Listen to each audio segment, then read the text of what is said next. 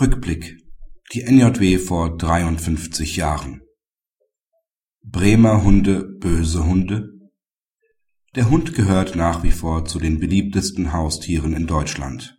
Trotzdem kommt es immer wieder zu gerichtlichen Streitigkeiten, die weniger schöne Eigenschaften der geliebten Vierbeiner offenbaren.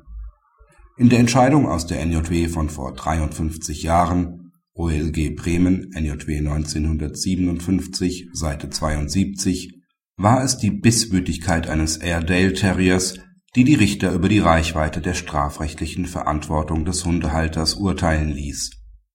Als Haushaltsvorstand und aufgrund der geduldeten Aufnahme des Tieres im Haus bestünde zwar seine Pflicht, die mit der Hundehaltung verbundenen Gefahren abzuwehren, im vorliegenden Fall fehle es aber an der Zumutbarkeit, geeignete Gegenmaßnahmen zu ergreifen.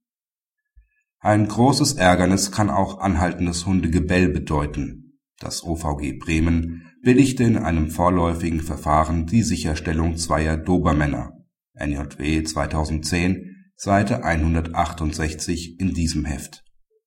Das Gericht hatte keinen Zweifel daran, dass die Hunde über einen längeren Zeitraum sowohl zur Tages als auch zur Nachtzeit unzumutbare Lärmbelästigungen verursachten. Außerdem sei es nicht erkennbar, wie der Eigentümer für die Zukunft verlässlich eine Lärmbeeinträchtigung verhindern wolle